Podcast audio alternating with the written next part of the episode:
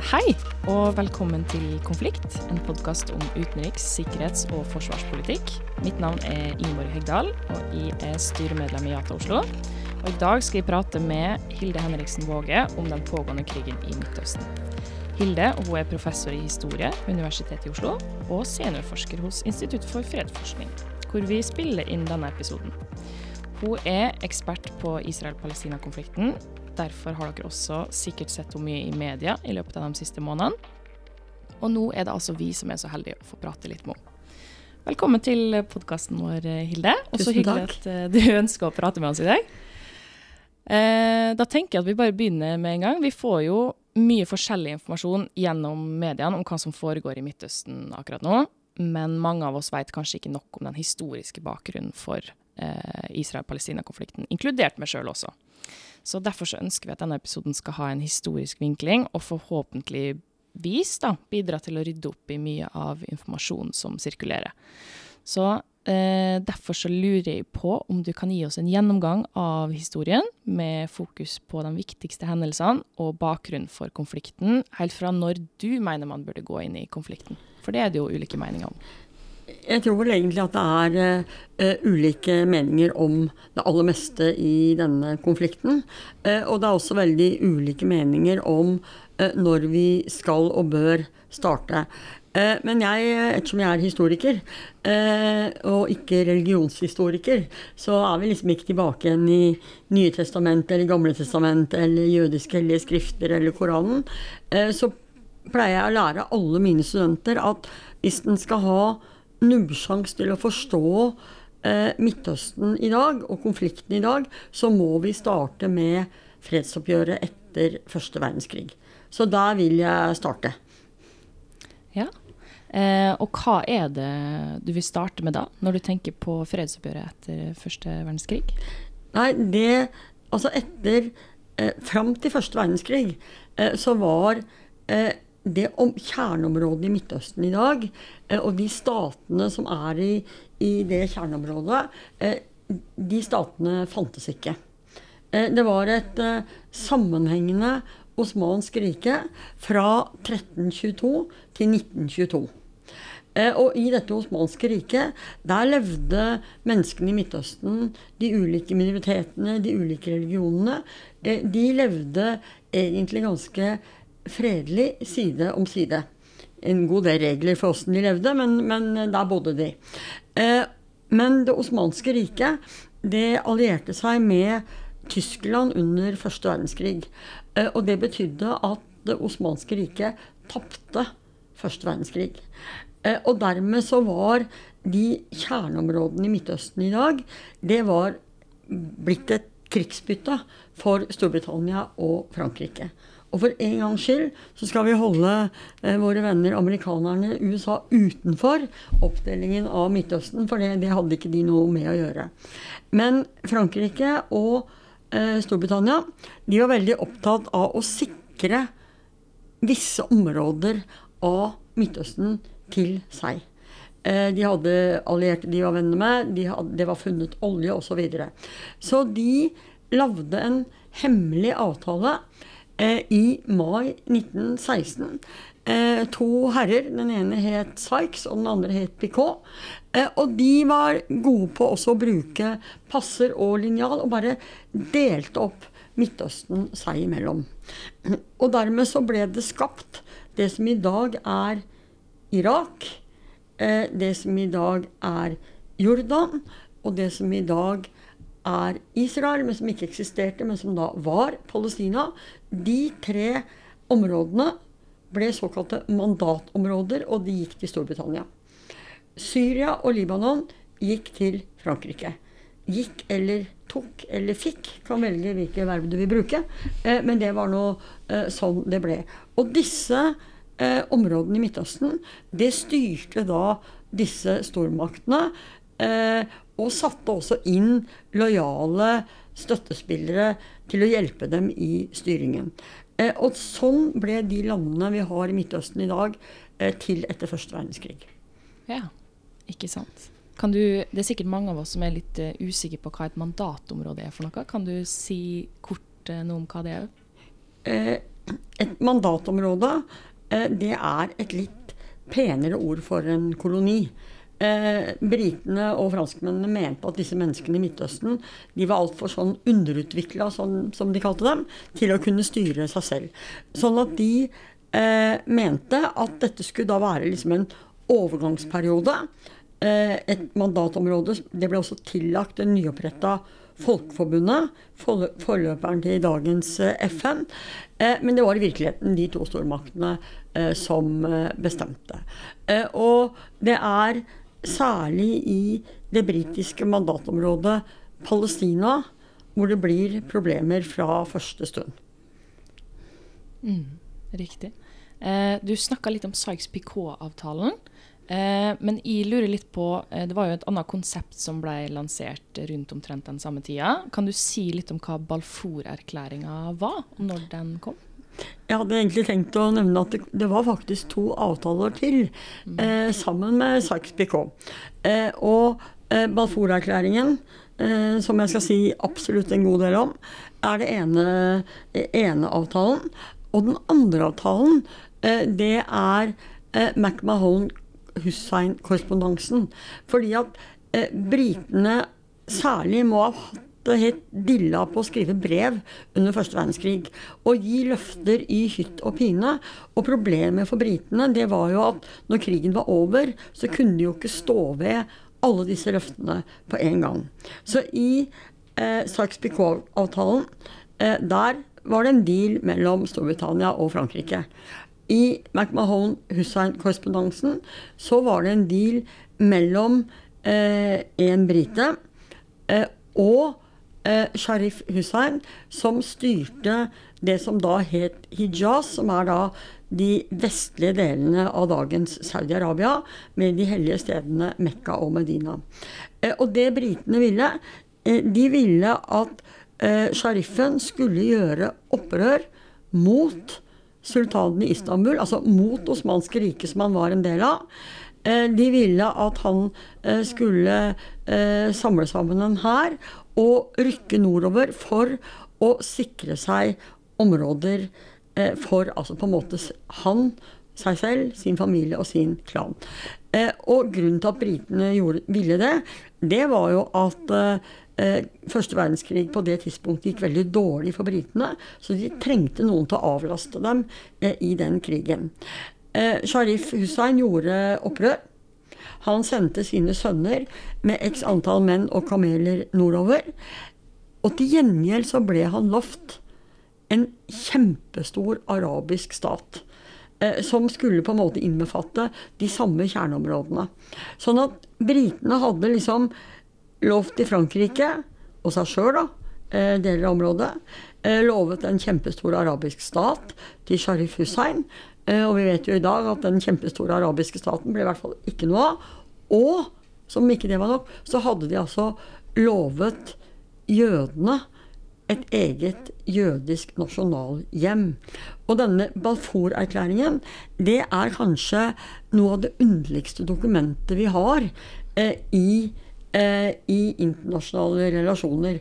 Fordi at her lover stormakten Storbritannia Balfour, som er utenriksminister, han lover lederen for den britiske sionistbevegelsen, altså nesten en sånn NGO, en frivillig organisasjon, en interesseorganisasjon, eh, at hvis jødene, på en måte, eller britiske jøder, det er jo litt uklart eh, Hvis de støtter Storbritannia under første verdenskrig, så skal de til gjengjeld få et jødisk nasjonalhjem i Palestina. Ingen visste hva et nasjonalhjem var for noen greier. Det hadde ingen hørt om før. Eh, ingen visste eh, hvilke grenser dette nasjonalhjemmet skulle ha. Eh, ingen visste om dette skulle være en stat. Eh, men det alle skjønte, var at i praksis hadde britene her lovt liksom, jøder over hele verden å lage en egen jødisk stat i Palestina. Sånn ble det oppfatta.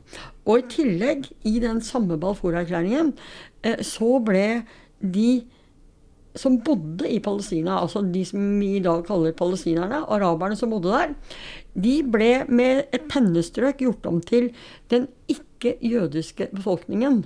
Så når du da har en arabisk befolkning på kanskje på denne tida ja, skal vi si rundt 700 000-800 000, og så har vi kanskje toppen 50 000 jøder, så er da de 700 000-800 000 eh, palestinerne de er gjort om til den ikke-jødiske befolkningen. Det var det tredje løftet som britene ga under første verdenskrig.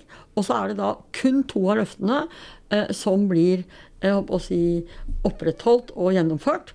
Det er løftet til jødene og selvfølgelig løftet til Frankrike, eller løftet som var mellom Storbritannia og Frankrike. Mm. Det er kjempespennende, og jeg tror eh, det er altfor sjelden at man snakker om dette. Eh, du nevnte det her med sionistbevegelsen. Eh, og da lurer jeg på litt hva som var bakgrunnen for den.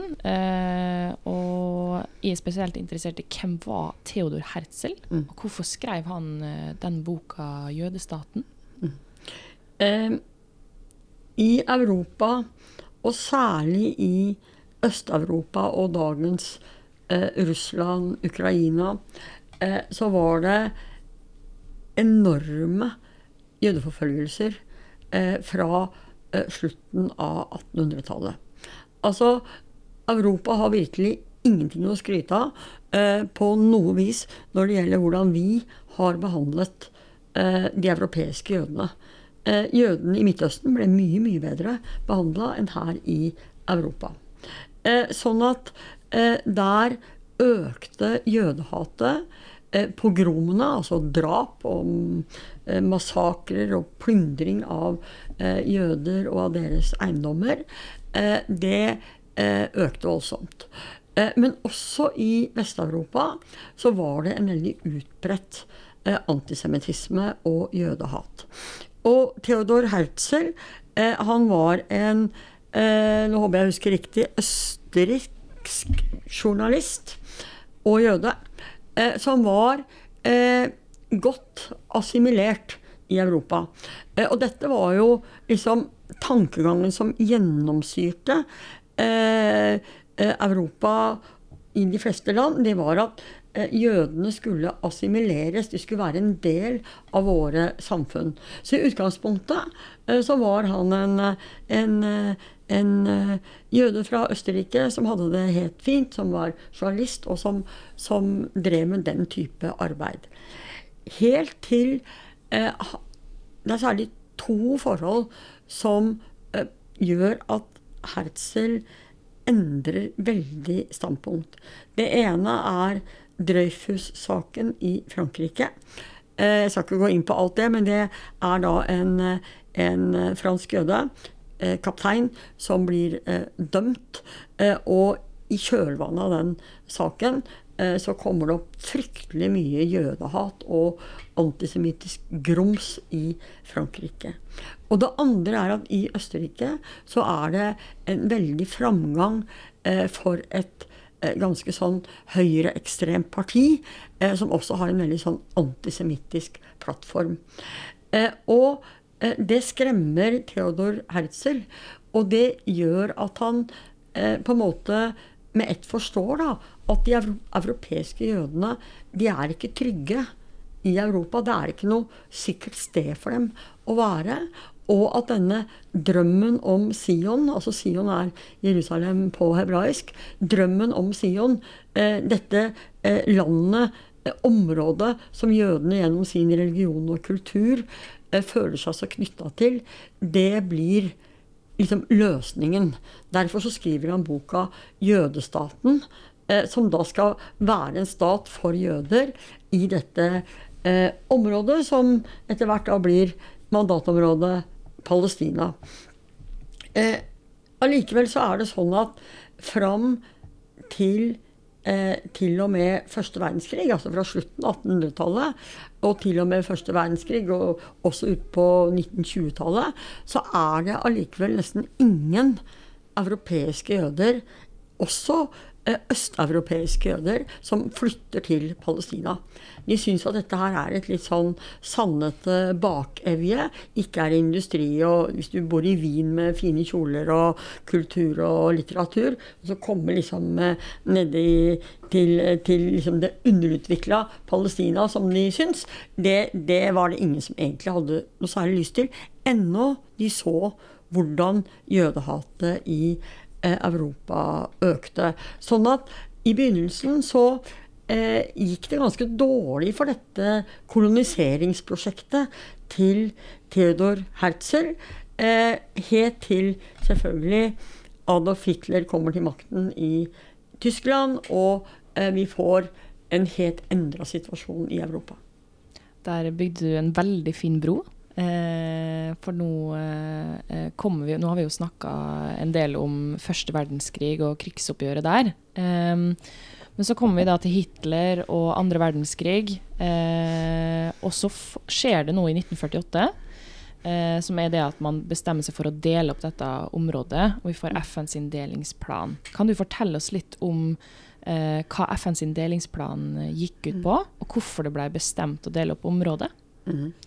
Jeg skal bare ta et lite skritt tilbake først. fordi at mm. fram, altså gjennom hele mellomkrigstida, eh, så Eh, så er det sånn at eh, desperate europeiske jøder, mer og mer desperate, prøver å komme seg ut og vekk fra Europa. Eh, og det de oppdager, det er jo at de har ikke noe sted å gjøre av seg.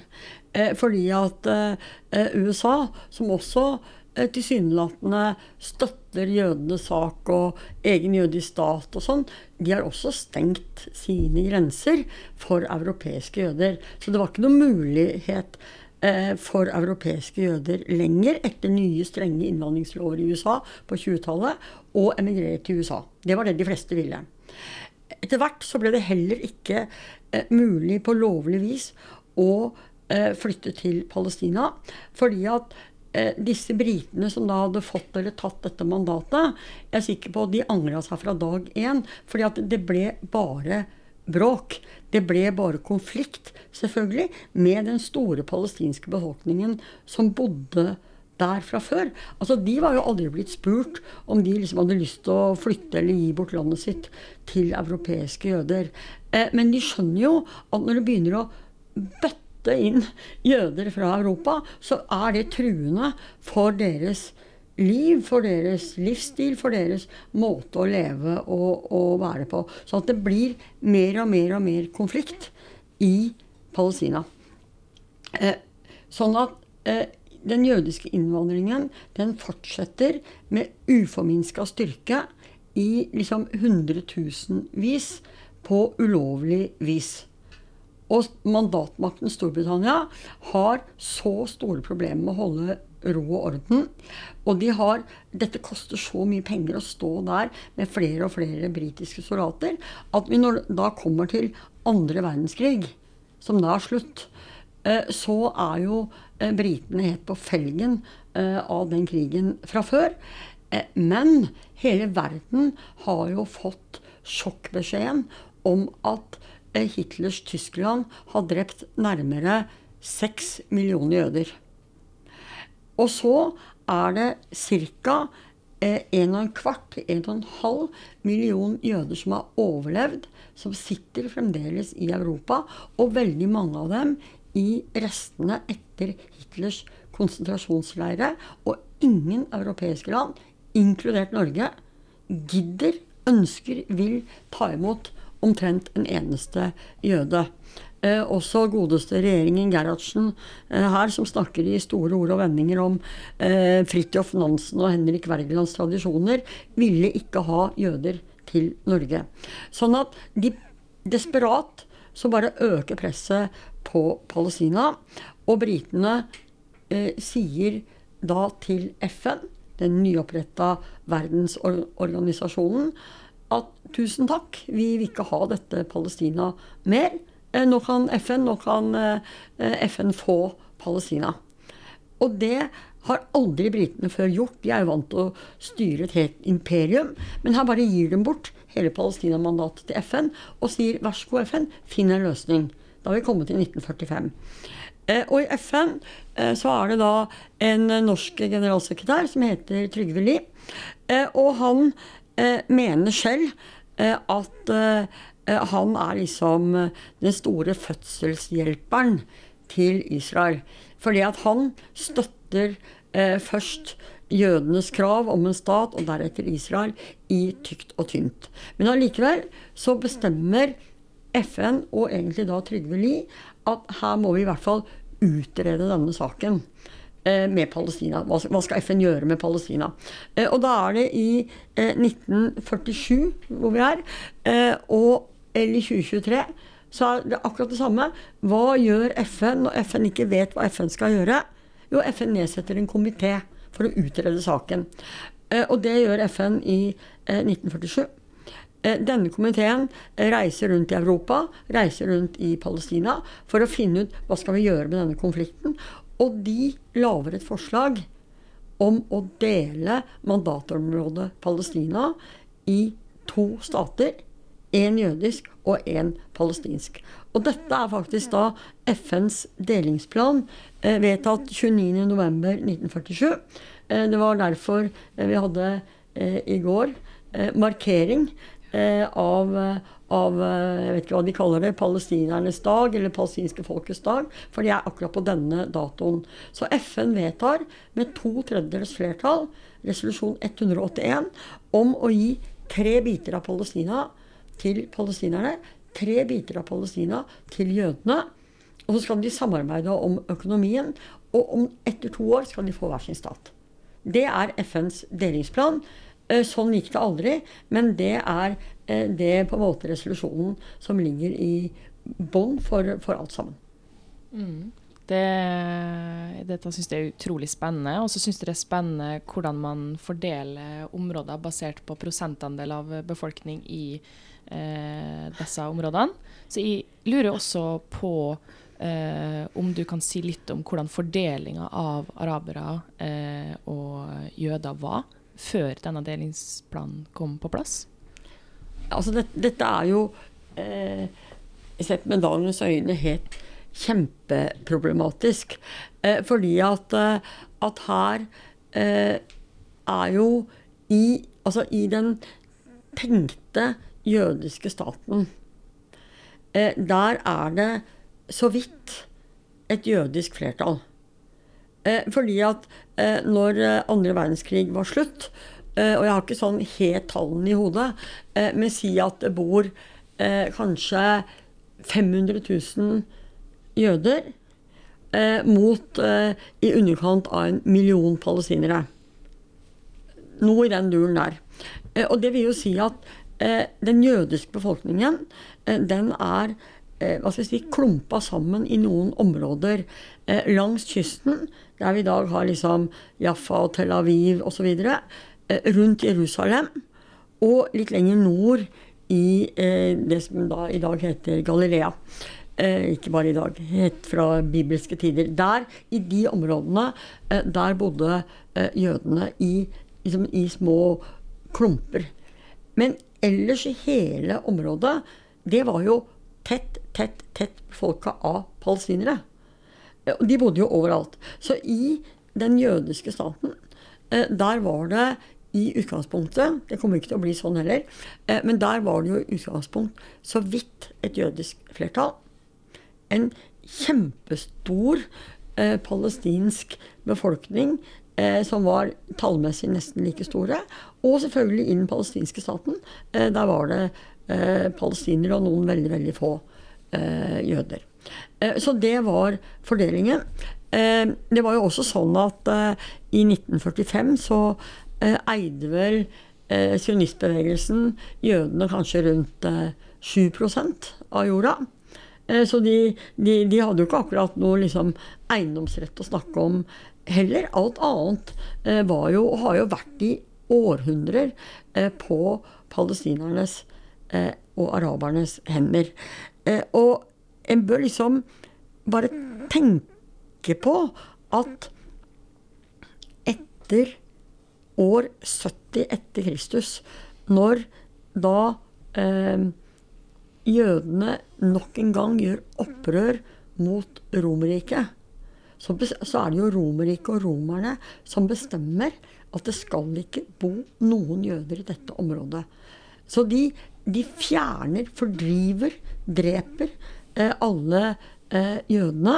Eh, og eh, det er jo en grunn til, som jeg ofte har lurt mange ganger på, hvorfor bor det jøder overalt i Midtøsten og i Europa?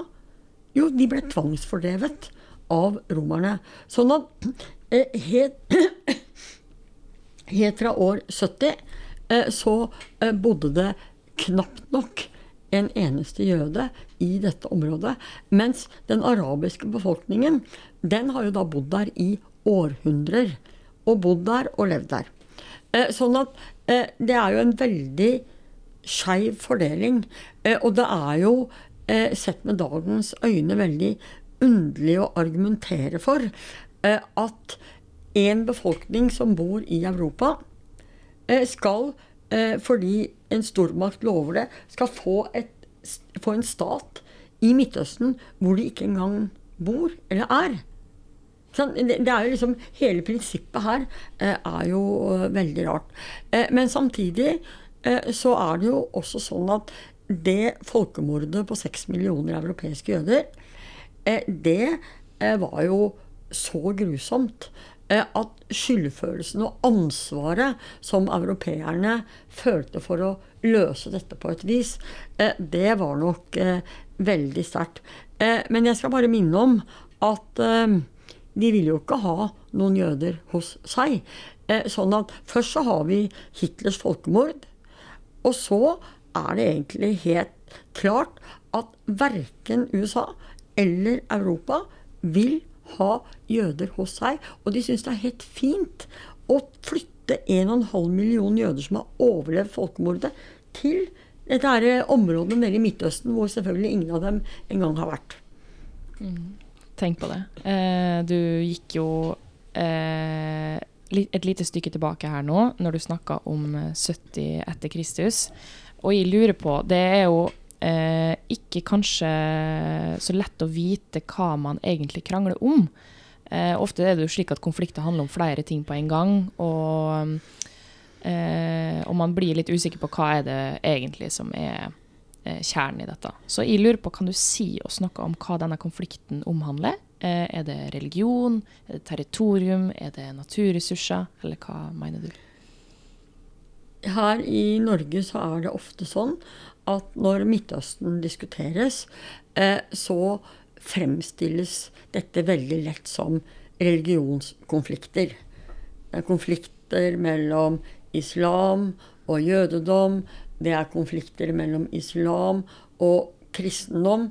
Eh, F.eks. når eh, president George W. Bush i 2003 angrep Irak og, si, og, og, og, bruker uttrykket 'et korstog', altså i kristendommens, i vår på en måte religions navn, for å legitimere en rein, et rent angrep eh, militært på Irak, så er det ofte sånne type hva skal jeg si, Tåkelegging pleier jeg å kalle det. For at vi setter på noen merkelapper eh, for å dekke over kanskje det det egentlig handler om. Sånn at konflikten mellom Israel og palestinerne er ingen konflikt mellom islam og jødedom. Nå nekter ikke jeg på at religion for mange i Midtøsten spiller en stor rolle. Eh, men dette handler ikke om noe religionskonflikt, så da har vi parkert eh, den, mener nå jeg. Men det det handler om, det handler jo om to folk som begge mener at de har rett til det samme territoriet, til det samme området. Sånn, det er det det eh, grunnleggende sett handler om hele tida. Og så bruker de litt forskjellige argumenter, eh, alt ettersom det passer, selvfølgelig, for retten til området. Eh, hvis vi tar palestinerne, som på en måte er egentlig enklest Altså, de bodde der og hadde bodd der i århundrer eh, verken mer eller mindre i dette osmanske riket, og ble plutselig eh, en del av dette som da ble mandatområdet Palestina. jødene er jo selvfølgelig mye mer problematisk, fordi at de bodde jo ikke der.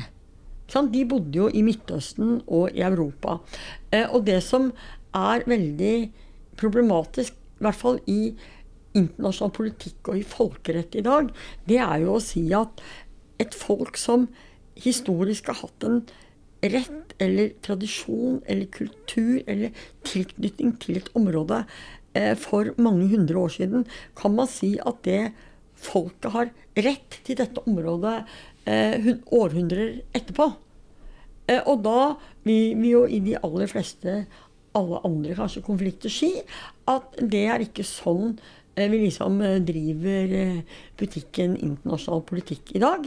Der har vi visse spilleregler. De heter folkerett, og i krig så heter det Genévekonvensjonen osv. Men det er det argumentet som sionistbevegelsen, jødene, brukte og bruker.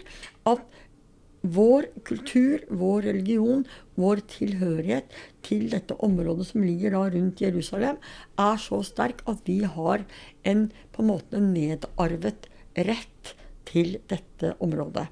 Eh, det vil de aller fleste jødene eh, svare. Eh, og så vil vel de fleste historikere, statsvitere, folkerettseksperter og andre svare at Men det er ikke sånn vi opererer i dag. Et annet eksempel er jo f.eks. hvis eh, Norge nå skulle si til Sverige at nå vil vi ha igjen Jämtland, Herjedalen og Bohuslän, for at det var vårt. Og, og, vi føler tilknytning til dette området. Og så skulle vi ta den norske hæren, marsjere inn i Sverige og hive ut alle svenskene. Da ville jo verden sagt at vi var gale. Fullstendig. Ingen ville støtte oss i å gjøre noe sånt. Eh, og det er selvfølgelig problemet her. At eh, på sett og vis så er det jo det jødene og Israel gjør, og sier at de har rett til dette området. Eh, og Israel er jo da en stat. Vi har ikke snakka om opprettelsen av Israel ennå, men det er jo en stat som i, i fundamentet skal være en stat åpen for all verdens jøder. Altså også de jødene som bor utenfor Israel. Sånn at du har jo rett til statsborgerskap i Israel hvis du er født av en jødisk mor. Eh, eller har konvertert til jødedommen. Det siste er veldig vanskelig. Sånn at det, det er jo på en måte en, en, stat som ikke bare er for israelerne, eh, men det skal være åpent for all verdens eh, jøder. Mm. Eh, du var jo litt inne på det her med områder. Eh, og så snakka vi om FNs delingsplan. Kan du bare ta en kjapp gjennomgang av eh, hvilke områder som tilhørte hvilke land, før oppdelinga av, eh, av, området? Ta for eksempel, Vi hører jo begrep som Sinahalvøya, Golanhøyden, Vestbredden, Gazastripa. Eh, kan du si litt om det? Ok. Når da eh, dette mandatsystemet blir lagd, så blir det jo da trukket eh, grenser. og de ulike menneskene blir jo plassert i ulike mandatområder, som etter hvert blir stater. Eh, da har vi eh, selvfølgelig Egypt, som delvis også var et definert område fra før. Og der ligger jo Sinai-halvøya. Det tilhørte og tilhører Egypt. Så har vi Israel, som da etter første runde med krig i 1948 Altså Israel ble oppretta eh, 14. mai 1948. Eh, og delingsplanen til FN ligger jo egentlig i bånn for eh, denne nye jødiske staten. Sånn blir det aldri. Fordi at i Israel så er det sånn at eh, de omliggende arabiske landene, det er da Libanon i nord, Syria i nordøst eh, og Jordan og Egypt, de angriper den jødiske staten for å bli kvitt den med en gang og en gang for alle. Virkelig, som de sa selv, kaste jødene på sjøen. De taper så det suser. Det alle tror er den sterke eh, arabiske liksom, horden som går til angrep på lille Israel, liksom David mot Goliat, eh, det viser seg jo ikke å være tilfellet. For disse arabiske landene, som nå har blitt selvstendige stater, men er, har egentlig vært disse mandatområdene, de er jo rimelig udugelige til å føre krig. De er rimelig udugelige til å samarbeide. De krangler innbyrdes, og de er egentlig mest opptatt av å sikre mest mulig makt og territoriet for seg selv. Så når de angriper Israel, eh, så tar for det første Israel eh, og også kontrollerer etter første rundekrig i 48-49 78 av eh, mandatområdet Palestina. Det er i første omgang Israel. Så okkuperer og tar Egypt det som i dag er Gazastripen. Så okkuperer og tar Jordan det som vi i dag kaller Vestbredden, og Øst-Jerusalem, den gamle bydelen i Jerusalem. Og så eh, eh, sikrer eh, Syria seg eh, det som eh, er i dag Golanhøydene.